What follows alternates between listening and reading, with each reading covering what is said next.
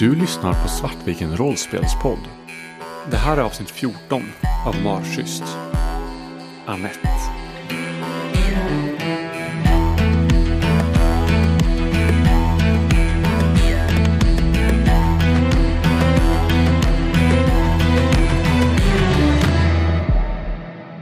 Det här avsnittet kommer med trigger warnings för gaslighting och hot om våld. Eh, jag skulle vilja ringa Robert innan alltså natten kommer. När det passar liksom. När vi kommit fram. Det har ju inte gått så lång tid på dagen än. Det kanske är strax efter lunch nu när ni kommer tillbaka. Och jag tänker ju även att eh, innan jag beger mig in i skogen så måste jag ju besöka Annette. När vi kommer fram till eh, Robins mammas hus så ursäktar jag mig lite snabbt. Jag, jag, ska bara gå och ringa ett samtal. Jag kommer in sen. Sen går jag mot eh, baksidan av huset till trädgården där. Jag tänker, jag vet inte om det har etablerats innan, men jag tänker mig att det är en sån trädgård. Eller jag bara i mitt huvud föreställt mig typ trädgården som var i min farfars gamla hus. Där det var så här, en liten så här, gräsplätt med kanske något litet odlingsland och sen så en skog längst bak.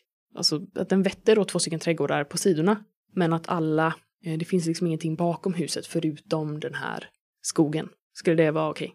Det funkar. Jag plockar fram telefonen och slår eh, Roberts nummer. Jag tror till och med att jag har honom inlagd som favorit. När jag ser Elias försvinna runt huset så försöker jag vara så diskret som möjligt och går in i huset som, som ingenting. Men eh, jag vet ju att Elias döljer någonting för, för oss. Han vet uppenbarligen mycket mer än vad han berättar. Så att jag, så diskret som möjligt. Och då ska jag väl aktivera min eh, förmåga också.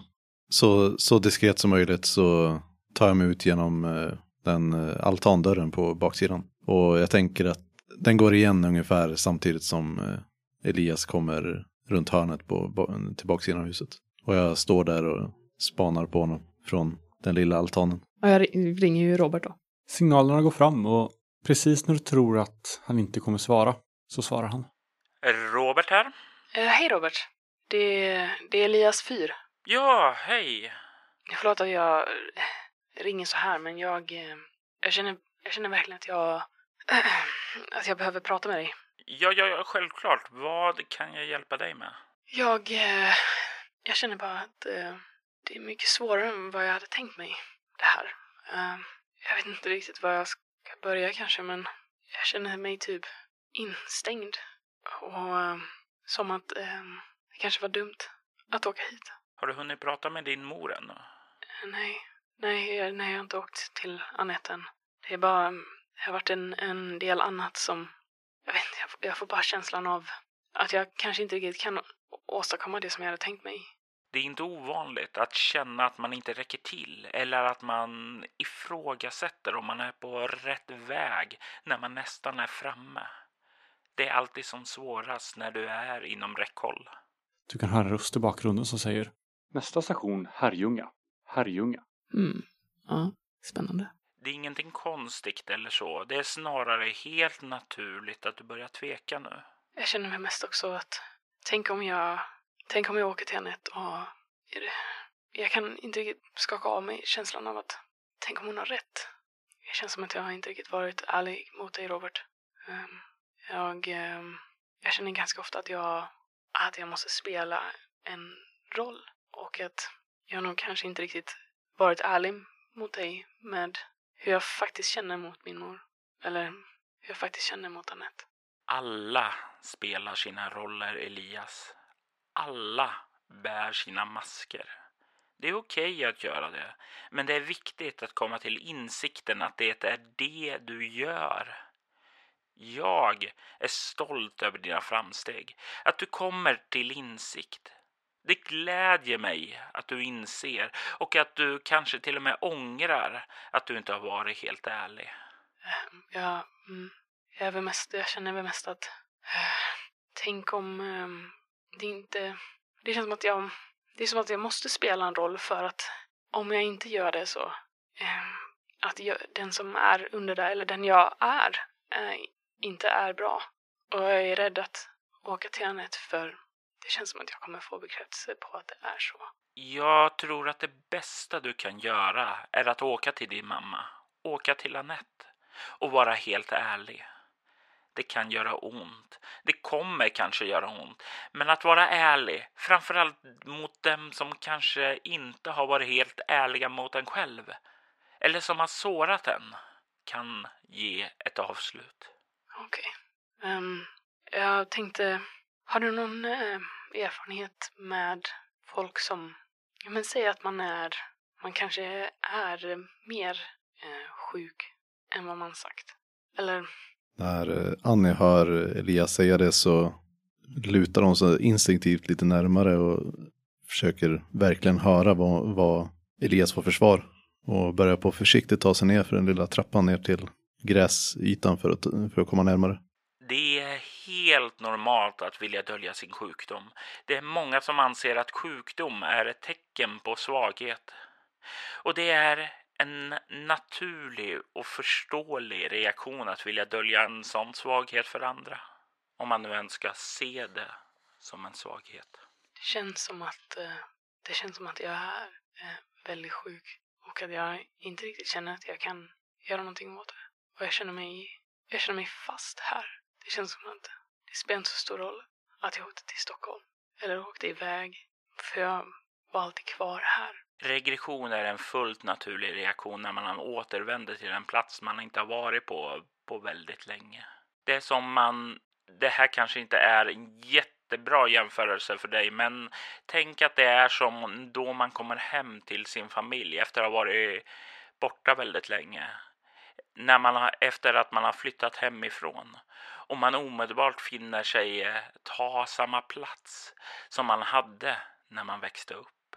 Syskonen börjar bråka. Man kanske stänger in sig på sitt rum och tittar på tv-serier igen. På samma sätt som man gjorde i sin ungdom. Det är inte helt ovanligt att man finner sig själv ta samma roller som förr. Att man går i onda cirklar när man kommer tillbaka till platser man en gång varit på. Okej. Men det viktiga är att inse det. Och att man kan bryta cirkeln. Men det går bara att göra om man konfronterar det. Och du tror att man ändå kan förändras. Även om det kanske gått ganska långt. Det är jag övertygad om. Till 110 procent.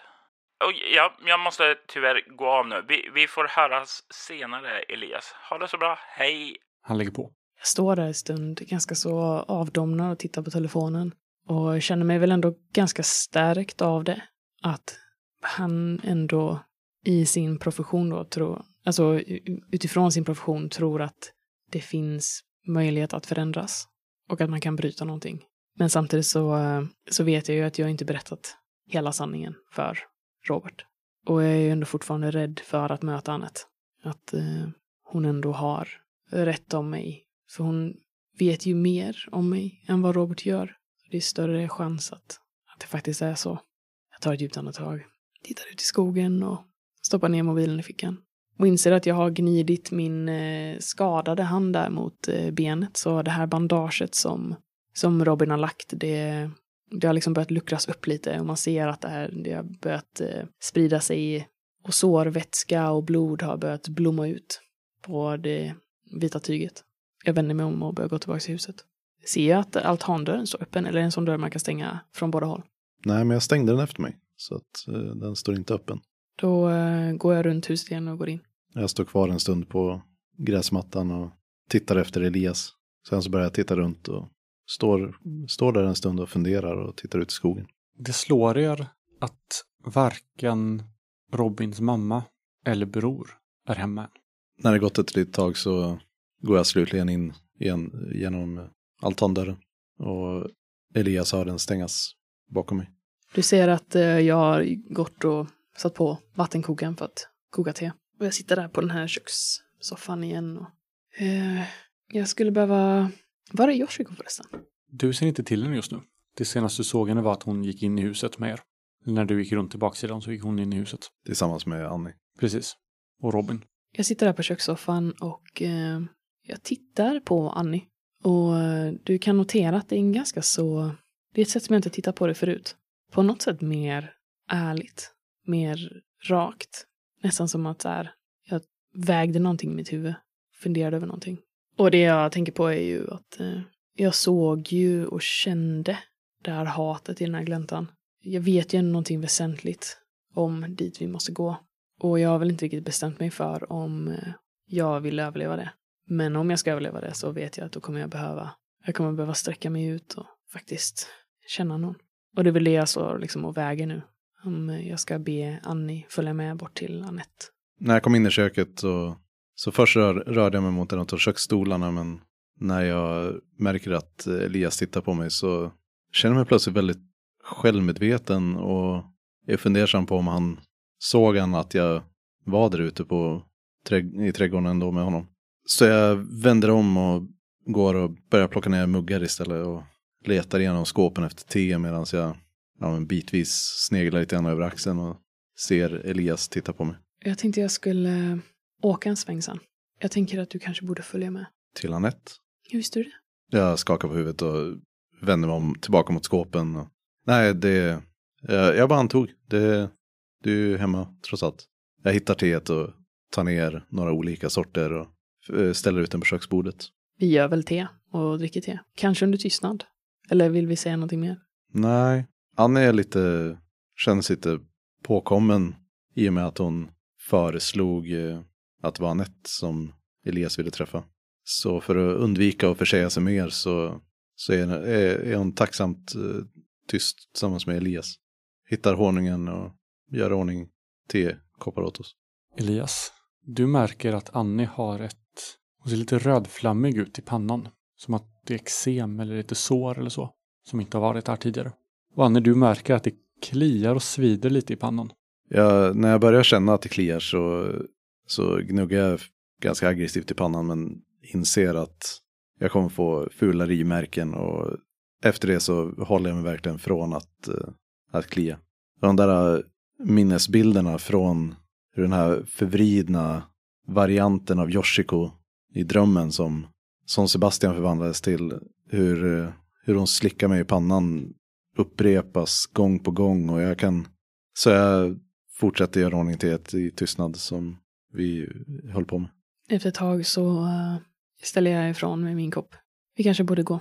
Jag är inte så sugen på att eh, Yoshiko ska komma och fråga vart vi är på väg. Jag har fortfarande ganska svårt att, att separera vad som faktiskt eh, är mina känslor och vad som var hennes. Så att stundtals så känner jag verkligen att det här intensiva, att jag verkligen hatar henne. Och eh, ömsom så, så förstår jag ändå att det inte var min känsla utan det var hennes. Oavsett så är jag inte så pepp på att se henne. Jag tittar ner i min eh, nästan helt odruckna temugg och tar ett djupt andetag och nickar. Ja, det kan vi göra. Jag reser mig upp och häller ut teet i vasken. Sen så går vi ut mot bilen. Jag startar den och börjar köra den välbekanta vägen till Anettes hus. Hur känner du dig när du stannar till? När du svänger upp bilen på parkeringen och ser det här huset där du växte upp? Det känns nog nästan lite som i en dröm. Som att jag faktiskt inte är här. Jag sitter och, och drar återigen eh, handflatan mot benet. Och jag känner mig på ett sätt liksom avdomnad. Som att det är en, en del av mig som jag inte riktigt vågat, inte orkat röra vid på väldigt länge. Men när vi sitter där så jag tittar mot huset. Det ser ju mer åtgånget ut, men eh, utöver det så är det liksom inte, det har inte tillkommit några byggnationer eller grejer i trädgården, utan det, det sig väl ganska likt, men, men mer, eh, mer nedgånget. Utan att vända mig emot Ann, utan jag fortfarande med blicken liksom lite förlorad mot det här, alltså mitt gamla hem. Så säger jag, tror du folk kan förändras, Annie? Jag sitter och tittar på det förfallna huset och svarar inte under ganska många andetag. Jag undrar, har jag varit i huset någon gång? Eller har jag varit? Nej. Tror du att jag har varit hjälpt, eller följt med Elias fram till huset någon gång? Eller håller Elias, har Elias hållit den barriären så pass mycket liksom? I den mån jag har kunnat har jag hållit den barriären. Mm. Men eh, jag hade ju inte jättemycket pondus när jag var mindre. Så har Annie insisterat på att följa mig hela vägen fram så har ju Elias varit ganska lätt att köra över. Men i den mån jag har liksom kunnat upprätthålla min egen integritet så har jag försökt hålla den här barriären. Att ingen ska se det här stället som jag kommer ifrån. Och jag sitter och tittar upp mot det här huset som, som jag bara har sett på avstånd förut. de gånger som eh, Robin tog med Annie och några av hans kompisar och åkte runt och drack folköl och pekade och skrattade på människor som de såg ner på. Däribland eh, Robin och eh, kompisarna ville väl, hade väl egentligen en ambition om att trakassera Elias men eh, Annie gjorde väl åtminstone någon, några tappra försök och, eller halvtappra försök att avstyra det men det var ändå några gånger som de blev stående på vägen utanför huset och inte, ja någon kombination av Annis eh, mjäkiga nekande till att de ska gå upp och eh, rädslan för vad, vad som skulle hända om de faktiskt gick in på gården. Som har hållit dem ifrån att, eh, att göra det.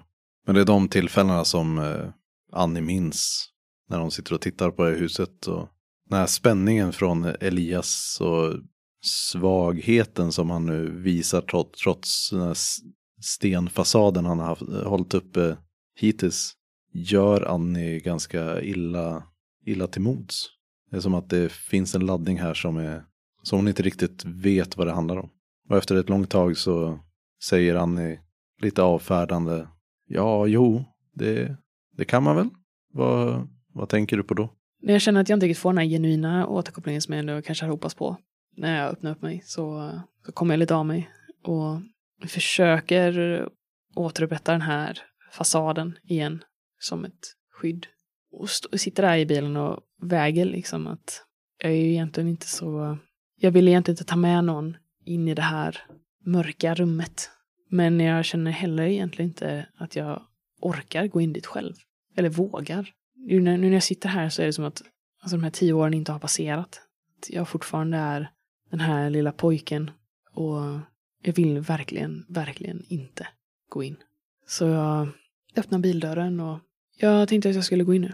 Du får gärna följa med om du vill. Och utan att säga någonting riktigt så kliver han ut ur bilen och går några steg efter Elias upp mot huset. Varje steg känns som någonting ur en dröm. Jag har väldigt svårt att koppla ihop att jag faktiskt är här. Det känns väldigt overkligt. Jag går fram och knackar på dörren. Jag inser ju att jag, det är ändå någonting, någonting som händer här. Att det, jag får en inblick i Elias som, som jag inte riktigt vet hur jag ska ställa mig till. Jag vet ju inte vem Elias är längre och jag vet inte den eviga frågan. Jag vet inte vad han vet. Och att, eh, att, komma, att komma in i det här huset är på något sätt en tröskel som är, känns väldigt betydelsefull. Och på den här tröskeln skulle jag vilja etablera en återblick till eh, när eh, Elias är kanske fyra, fem år. Och eh, det är, eh, frågan är väl egentligen varför eh, känner inte Elias känslor på det sättet som de flesta gör. Och jag tänker att de som är med då i den här återblicken, det är ju Elias och Annette. Uh, ska jag sätta mer specifikt än så? Jag tänker att de är hemma. Vad är det för känsla? Vad, vad gör ni? Jag tänker att det är uh, morgon. Jag kommer ner för frukosten. Och uh, jag sätter mig där. Och Annette kanske står och, och så här, lagar frukosten eller slamrar eller håller på med någonting vid köksdisken. Hon står vid spisen och när du tittar upp mot henne så tycker du att hon ser så lång ut. Flera meter lång. Jag har ganska så nyligen blivit medveten, eller vi ska säga så här då, det blir lite off nu, men jag, det här handlar ju om min förmåga då. Jag är ju född med den. Um, och när mamma står där och håller på med vid spisen så, så känner jag någonting från henne. Vad känner jag? Du uppfylls av en känsla som du inte riktigt har känt tidigare. En känsla av att vara övergiven, ensam, kanske till och med förrådd. Och den här känslan verkar riktas mot din pappa. Och jag har ändå ganska så mycket erfarenhet av att uh, förstå att, att jag känner någon annans känsla. För jag har ändå känt djur och eh, det är inte första gången kanske jag känner min mamma heller. Eh, men det är kanske första gången jag känner så starkt. Så jag blir ju ledsen och jag kravlar ner för den här stolen jag sitter på. Den är fortfarande lite, lite för stor för mig. Och sen så går jag bort till min mamma och, och tar tag i hennes eh, kjol och tittar upp mot henne. Men du är inte ensam mamma. Du har ju mig. Jag skulle inte vara dum mot dig. Hon tittar ner mot dig och du ser hennes ansikte först se lite förvirrat ut. Och sen hur en rädsla sprider sig. Hon verkar nästan rygga tillbaka från dig. Som att du har sett någonting som du inte får se. Varför är du rädd? Mamma? Hon backar undan från dig. Mamma? Hon lämnar köket med kastrullen fortfarande på spisen slår igen dörren bakom sig. Lämnar dig ensam kvar. Du rycks tillbaka och befinner dig igen utanför, utanför Anettes dörr. Du kan höra hur steg närmar sig på andra sidan. Och du kan känna ett, ett bultande i din hand där du har blåsan. Jag känner den här välbekanta känslan av att inte vara en del av min kropp längre. Och inte känna någonting alls. Jag tar ett steg närmare Elias när jag ser hur, hur han eh, spänner sig inför dörr, eh, stegen på andra sidan dörren. Ett eh, nästan omedvetet försök att vara närvarande eller tröstande men eh, jag skulle aldrig ta i honom. Dörren öppnas. Framför dig står den här kvinnan, Annette. Kvinnan som du växte upp med. Hon är tillfixad. Hennes frisyr är iordninglagd och hon är rätt fint klädd. Hon tittar på dig. Först med en blick som att hon inte känner igen dig. Och sen spricker hon upp i ett leende. Elias? Är det du, Elias? Gud vad stor du har blivit. Hon går fram för att omfamna dig. Jag vet inte alls hur jag ska reagera på det här. Jag blir bara stel. Besvarar inte omfamningen och mest förstår inte vem den här människan är. Det här är inte Annette. Hon kramar om dig. Du känner hennes armar runt din kropp. Och sen backar hon undan igen och tittar på dig och... Men gud vad, vad snygg du har blivit. Jag kan inte tänka... Jag kan inte se att det här är samma person som... Som min lilla pojke. Hon tittar mot Annie. Och... Vem är det här? känner mig lite eh, fryst på plats när jag känner igen den här kvinnan från drömmen som vi delade. Och jag får, genom mitt, mitt huvud så går de här bilderna utav hur hon eh, tar tag i Elias hand och trycker ner den på den stekheta ugnsplattan. Jag är nog ganska blek där jag står och kommer av mig lite grann när jag ska försöka presentera mig. Men till slut så lyckas jag stamma fram att jag, eh, jag, jag heter Annie. Eh, jag är en före detta klasskamrat till Elias, säger jag och försöker smila upp mig så mycket som möjligt och ha liksom en... Jag försöker klistra på eh, den sociala fasaden liksom. Och du har väl typ ett i psykologi, eller är det? Ja, ett i psykologi. Då, jag, jag tänker att du verkligen märker att, Eli, att det här nog inte var vad Elias förväntade sig. Eller så, alltså att han på något sätt i alla fall eh, har blivit nästan lite lamslagen. Ungefär som ett, så här, ett, ett rådjur i, i strålkastarljuset från när bilen börjar närma sig. Vill du ha någonting? Jag kan förbereda kaffe eller varm choklad eller så. Jag går, vänder hon om och går in eller? Nej, hon står fortfarande kvar i dörren och pratar. Annie som är en sån här kameleont ändå. Du, du ser ju det här sociala utrymmet som bara är tomt. Jo, men jag tänker att det, det mest naturliga är nog att eh, skruva upp eh, social lite mer. Och, och Annie säger, ja men tack så mycket, det skulle vara jättetrevligt. Och eh, börja ta ett steg för att liksom följa med Anette in i huset. Ja, men då, då ordnar vi det. Hon vänder sig om och, och går in i huset. Och när Anette vänder sig om så sneglar jag tillbaka på Elias och släpper fasaden lite grann. Och tittar oroat på honom. Jag möter din blick. Ungefär kanske samtidigt som vi följer efter in i huset. Och du ser att den är helt skräckslagen. Men också förvånad, förvirrad. Medan hon leder er in i det här bekanta huset som inte har ändrats särskilt mycket. Det är fortfarande samma doft kvar som när du växte upp. Så ställer hon frågor om dig. Så vad jobbar du med nu för tiden? Um, jag, jag sitter på Spotify som, som utvecklare. Oh, men det låter ju som ett jättebra jobb. Jag har flera spellistor där. Det är en fantastisk tjänst. Elias förstår ju inte vem den här kvinnan är. Han är helt eh, chockad. Och han försöker bara förstå, försöker få det att gå ihop. Så här, vem den här kvinnan är. F- få det att liksom sammanfogas med Annette som han minns. Och som han är här för att konfrontera. Hon kommer fram till köksdörren och öppnar den. Och går in i köket. Elias, berätta för mig vad du känner när du ser Rickard sitta vid köksbordet. Bordet är täckt med familjefoton och gamla album. Han tittar upp på dig. Åh nej. Panik. är väl den dominerande känslan. Och sen så eh, någon slags oförstående. Rickard kan ju inte vara här. Jag, han ska ju inte vara här. Han, han får inte vara här. Han tittar upp på dig och du tycker att han ser lite besviken ut. Känner jag, jag... Frågan är om jag är tigget vid mina sinnens... Om jag är tigget eh, med för att kanske sträcka mig ut med min förmåga eller om det bara sker naturligt. Um, det är frågan. Det beror på hur mycket information du vill ha. Jag vågar nog kanske inte. Det är nog första gången jag kanske inte gör det. Jag, vå jag vågar inte sträcka mig ut mot Rickard. Jag, jag, jag kan inte veta vad han känner just nu.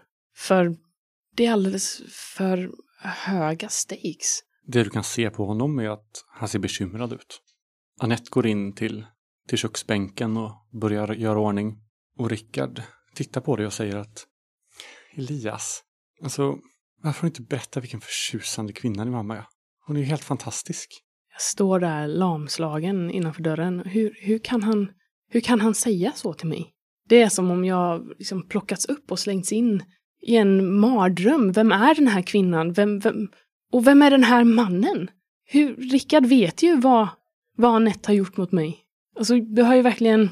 Jag har, inte ens, jag har inte ens berättat för Rickard att jag tror att jag förtjänar det. Och, och ändå så sitter han här och Elias kan... Jag känner mig förrådd. Du ser att det finns en tom kaffekopp bredvid Rickard. Han har förmodligen varit här ett tag. När kom du hit? Jag kom i morse. Varför?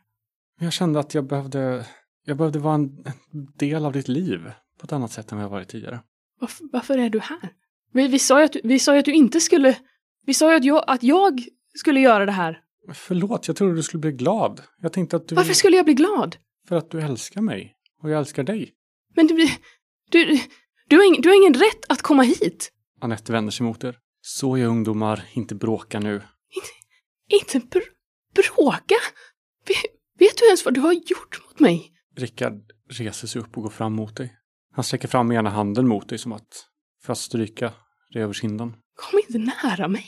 Elias, det är okej att minnas fel. Och det är okej att lägga skulden för sina egna brister på andra. Det är fullt förståeligt. Vi kan arbeta igenom det här. Va? Vad pratar du om? Anette har, har berättat för mig hur det ligger till. Hon har berättat för dig hur det ligger till? Mm. Hur, lig hur ligger det till då? Va, Anette? Vi, vi kanske ska lugna oss lite innan vi pratar om det här. Ska ni inte ha någonting att, att, att äta och dricka först? Jag stirrar på den här kvinnan som terroriserat mig större delen av mitt liv. När eh, Annie liksom känner av den här energin i rummet och ser Elias börjar brusa upp så backar hon och bara ut i köket och står och stirrar in på de tre från dörröppningen. Och här skulle jag nog vilja etablera en till återblick. Och vi är fortfarande kvar i det här huset. Och jag är fortfarande någonstans mellan fyra och fem år. Och eh, vi har fått besök från eh, en av Anettes vuxna vänner. Och eh, ibland när de har besök oss så brukar jag ändå få vara med och sitta där ute. Vi har en liten eh, finare soffgrupp ute i vardagsrummet där de brukar duka fram fika när det kommer sådana vuxengäster då. Och då brukar jag få vara med om jag sköter mig och sitter fint och, och inte kladdar med kakorna i soffan. Det är väldigt viktigt för Anette. Så jag sitter nog i den soffan och mm, så här, dinglar med benen. Jag når liksom inte riktigt ner till golvet. Och sitter där med min kaka och är väldigt noga med att inte söla i soffan. Jag tänker att din pappa inte är hemma den här gången. Utan det är Anette och hennes, hennes vän. De pratar och har det trevligt. Anette leker mycket med sitt ena örhänge. Hon liksom drar lite i det och drar i en lock i håret. Den här vuxna vännen, en, en lite äldre man, han börjar få lite gråa, lite grått i tinningarna. Han sitter framåt, lutar och pratar. Tittar väldigt intensivt mot Anette och pratar med henne. En ganska stor leverfläck också på ena sidan av kinden som Elias har svårt att inte titta på. Mm, den drar verkligen blicken till sig. Och när de pratar med varandra så fokuserar du på den här mannen, på den här vännen. Och du uppfylls av en känsla av, av åtrå, av värme. En känsla av att vilja ha någon. Det är en konstig känsla, en pirrande känsla. Lite obehaglig känsla. Och du känner en liknande känsla från din mamma. En känsla som du har känt riktat mot din pappa tidigare. Och det är en känsla som du har känt från din pappa också. Mot din mamma. Jag sitter där och, och dinglar med benen. Mamma? Mamma? Hon suckar lite och vänder sig mot dig. Ja, Elias? Va, va, varför vill han vuxenkramas med dig? Hon blir helt blek i ansiktet. Vad, vad är det du säger Elias? Ska du inte vuxen, ska du inte vuxenkramas med, med pappa mer? Hon reser sig upp snabbt. Koppen som står på bordet trillar spills ut över soffan. Den här mannen reser sig upp som att han är förlägen. Han vet inte riktigt vad han ska ta sig till. Han nästan skrattar lite dolt. Som att det här bara var en konstig pinsamhet. Annette däremot blir rosenrasande. Hon tar tag i din handled. och Nästan drar upp dig på Aj! golvet. Mamma! Vi har pratat om det här Elias. Du får inte känna sånt. Du får inte känna. Förstår du det? Du får inte känna. Ja, förlåt. Hon drar iväg dig över rummet. Hon upprepar det här om och om igen. Du får inte känna. Förlåt! Djävulen som besitter dig, mitt barn. Djävulen. Du får inte känna sånt. Jag menar inte att jag vill. Förlåt. Hon sliter upp en dörr och hivar dig igenom dörren. Sen slår hon igen dörren igen bakom dig. Och det är den här kvinnans ansikte som tittar på dig nu där du står i köket. Men nu är hennes anletsdrag mjuka. Hennes ögon är inbjudande. Hon ler lite försiktigt mot dig. Rickard står vid dig, fortfarande med ena handen utsträckt som för att smeka din kind. Jag låter honom göra det, men jag känner hur jag blir alldeles kall inombords. Han gick emot det vi sa. Vi hade kommit överens om att jag skulle få hantera det här. Jag skulle få åka ner och, och konfrontera min mamma. Och han, han ljög för mig. Jag känner att jag tittar på honom och kan inte minnas de här varma känslorna av, av tillit och, och ömhet. Jag kan inte minnas vårt liv i Stockholm. Allt jag ser nu är, är någon som säger någonting och sen gör någonting annat. Det är inte Rickard. Det känns som om hela världen rämnar. Jag ser eh, Elias kroppsspråk eh, bakifrån och börjar röra mig framåt mot honom. Och... Elias, vi, vi kanske ska gå nu. Elias, jag lägger en försiktig hand på Elias skuldra. Återigen så låter jag mig eh, vidröras, men det är som om Annis röst kommer någonstans långt, långt bort ifrån. Och allt jag kan se är, är Rickard framför mig. du vet ju vad hon har gjort mot mig. Jag vet vad du tror att hon har gjort mot dig. Vad har du sagt? Jag vänder mig om och stirrar hatiskt mot Annette. Blicken som möter dig hårdnar lite. Men det är fortfarande inte den här blicken av, av kallt hat som du har växt upp med. Jag har sagt sanningen. Vi har pratat om din barndom. Jag visar lite bilder. Har du visat rummet också? Jag har visat ditt rum när du växte upp. Du vet vilket rum jag pratar om. Har du visat honom min plats, mamma? Ni är säkra på att ni inte vill ha kaffe? När eh, Elias höjer rösten så och jag märker att jag inte får någon kontakt så backar jag tillbaka igen och tittar förvirrat på Anette när hon försöker agera som, som ingenting. Robin, du hör hur ytterdörren öppnas och stängs och hur en bil lämnar. När jag hör att ytterdörren öppnas så tänker jag för en kort sekund att Joakim kanske är tillbaka. Men sen så kommer jag ut och ser att hans skor fortfarande inte är där och jag ser hur Elias bil kör iväg. Och du kan se genom fönstren att både Elias och Annie sitter i bilen. Jag vänder mig bort mot eh, Yoshiko. Vet du vart de skulle? Hon skakar på huvudet. Nej, jag har eh, faktiskt ingen aning. Jag slår mig ner på en stol eh, vid henne. Det är ändå ganska skönt att bara vara vi. Mm. Jag blir lite... eh, hur mycket mm, hörde du eller såg du vad som hände där borta? Det känns som att vi har en hel del att berätta. Det, det jag såg var att ni, du pratade med den där gubben och sen föll ni tre ihop och han gick därifrån. Ni var inte borta så länge, ni vaknade efter några minuter. Eh, Hon kan se hur Robin eh, ryser till. Jag, jag litar på dig, Yoshiko. Och det är därför jag vill anförtro mig det här. För att det känns som att du är en del av, av det här och du är en vän. Och jag tittar på henne med ett lite snett leende. Hon tittar tillbaka men hon ler inte. Han skakar på huvudet. Först träffar jag Nils. Nils är en person som jag har eh, jobbat med på ålderdomshemmet. Eh, han verkar vara någon form av, vet inte, magiker. Han kan mycket om symboler och sånt. Det var därför vi åkte dit. Och hon kan se hur Robin kniper med ögonen som att han får en blick, ett minne som är väldigt obehagligt. Jag kan inte fatta det, men han, han verkar ha gjort något hemskt. Och på något sätt är vi inblandade. Och sen så tog han något damm och jag vet inte, fick oss att somna. Försvann. Och vi drömde de mest konstiga drömmar. Vi, vi var tillbaka där, där du försvann. I gläntan. Mm. Jag hoppas att vi kanske har nått ett, eh, ett närmare sätt att hjälpa dig att få reda på vad det är som hänt. Att hjälpa dig att eh, få någon form av eh, closure. Okej. Hur, eh, hur då? Jag var...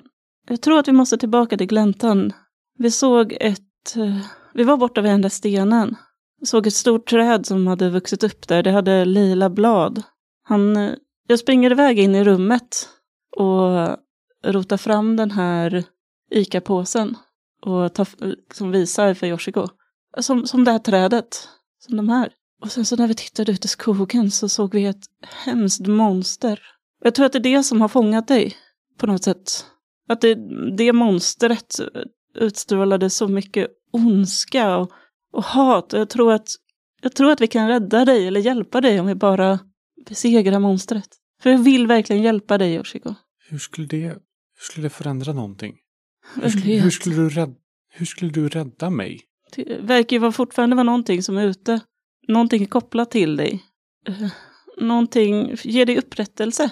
För det är väl det mm, du vill. Jag vet inte. Upprättelse kanske inte är rätt ord. Får det minnas vad som hänt? Hämnas på det, vad den är som gjorde att du försvann för så länge sedan. Du anar inte hur mycket jag saknat dig. Hon tittar bort. Hennes avvisande sätt är lite svårt för mig att hantera. Jag förstår inte, jag trodde att jag hade gjort någonting som kommit med goda nyheter eller gjort någonting som skulle få henne att komma närmare mig igen. Du vet att du var en riktig jävla skitstuvel, va? När du var ung. Va? Var kommer det här ifrån? Du var... Jag, jag är ledsen, men du var en jävla mobbare som... En översittare som bara behandlade andra omkring dig som, som skit. Jag stirrar på henne och försöker ta in det hon säger och bara skakar på huvudet. Alla tyckte ju om mig. Jag var ju populärast i skolan. Jag tror till och med du hade ett öga för mig, eller hur? Och vet du vad? Det, jag är inte säker på om du har förändrats så mycket.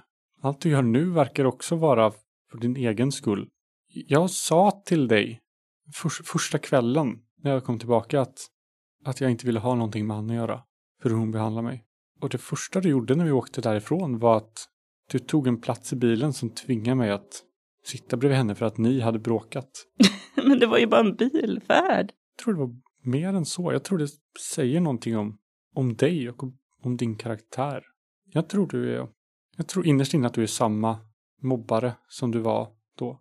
Och jag vet inte om jag litar på att du ska kunna hjälpa mig att få återupprättelse. Jag, är helt uh, mållös och, och jag börjar känna den här ilskan. Jag förstår verkligen inte vad det är hon säger med att jag är lika dålig nu som jag var förr. Jag var ju jättebra förut. Och här kommer den här tjejen som har, jag har verkligen tagit under mina vingar. Jag hade lika gärna kunnat lämna henne där. Det är ändå jag som har räddat henne. Och säger att jag är någon jäkla skitperson för att jag en gång satte mig liksom på fel säte i en bil. Det här är bara för otroligt. Jag känner hur ilskan sprider sig, den här sköna värmen kommer in i kroppen. Jag har, jag har ingenting att förlora längre. Varför ska, var, varför ska jag bry mig om vad du tycker? Jag, jag, ja, visst, du kan gå. Jag kan lämna dig helt i fred. Men kom inte till mig sen och säg att du vill ha någon hjälp. Du är en jäkla förrädare du också. Var har du tagit vägen? All, allting började med dig. Allt är ditt fel. Hon reser sig upp och går med rätt raska steg därifrån. Jag följer efter henne. För nu har jag zoomat in på att egentligen så är det kanske hennes fel att allt mitt liv är förstört. Hon försöker slå igen dörren bakom sig när hon går. Jag river upp den. Allting började, allting som är fel med mitt liv började när du försvann. Men lämna mig i fred. Nej! Du, du, du försvann och då började allt mitt lidande. Allting kommer ifrån dig. Om du försvinner igen så kommer det bara börja om igen. Vad sägs om att du tar ansvar för en gångs skull för dina egna jävla handlingar? Jag, jag kan ta tag i mina egna handlingar om det så är. Jag börjar gå mot henne. Jag känner liksom inte riktigt att jag kan kontrollera min kropp längre. Hon börjar med ena handen leta efter någonting. Något glas eller flaska eller någonting och får tag i porslinsprydnad. Hon håller liksom i handen bakom ryggen. Vadå mina handlingar? Det är ju folk som har utsatt mig för saker och ting. Och det är jag... det, det är ju alla, alla andra fel, det är ditt fel, det är allas fel att, att jag har hamnat där jag gör. Att, att jag ses som ett misslyckande av andra. Det är inte på grund av mig. Det är på grund av sådana som dig. Så kom inte och döm mig här. Lugna ner dig! Kom inte och säg att jag ska lugna ner mig. Jag, jag är lugn, hör du inte det? Hon verkar nästan krympa ihop inför dig. Som att hon förminskas. Hon backar undan upp mot väggen. Och du känner igen den här situationen. Den påminner rysligt mycket om ditt avbrott med Annie. Det är samma slags ilska, samma slags avfärdande av din karaktär. Och det är samma känsla av skuld på någon annan. Eh, det är samma mening i de orden som hon har sagt till mig som Annie sa förut och jag känner verkligen hur jag bara vill, jag vill, jag vill bara få henne att tystna. Och jag kan inte kontrollera, men jag, jag, jag sträcker ut min hand och tar tag om hennes lilla handled och liksom trycker upp den mot väggen. Hon skriker till och med full kraft så svingar hon den här prydnaden mot din tinning. Och den slår in i dig med ett krasande ljud och du stapplar bakåt. Jag känner mig helt yr och förstår inte riktigt vad som har hänt. Du tappar greppet om hennes handled och du känner hur hon slinker förbi dig och springer därifrån. Strax hör du hur ytterdörren slås igen bakom henne. Och jag känner hur det här blodet som ansamlats i mitt huvud eh, flödar ut därifrån. Det blir alldeles grått för ögonen. Och jag orkar inte ens känna, utan jag bara faller ihop. Jag önskar att någon kunde hitta mig. Men det lär inte finnas någon kvar längre. Du har lyssnat på Svartviken rollspelspodd som spelar Skrumt. Skrumt är skrivet av Kristoffer Warnberg och ges ut av Bläckfisk förlag. Musiken är gjord av Alexander Berg.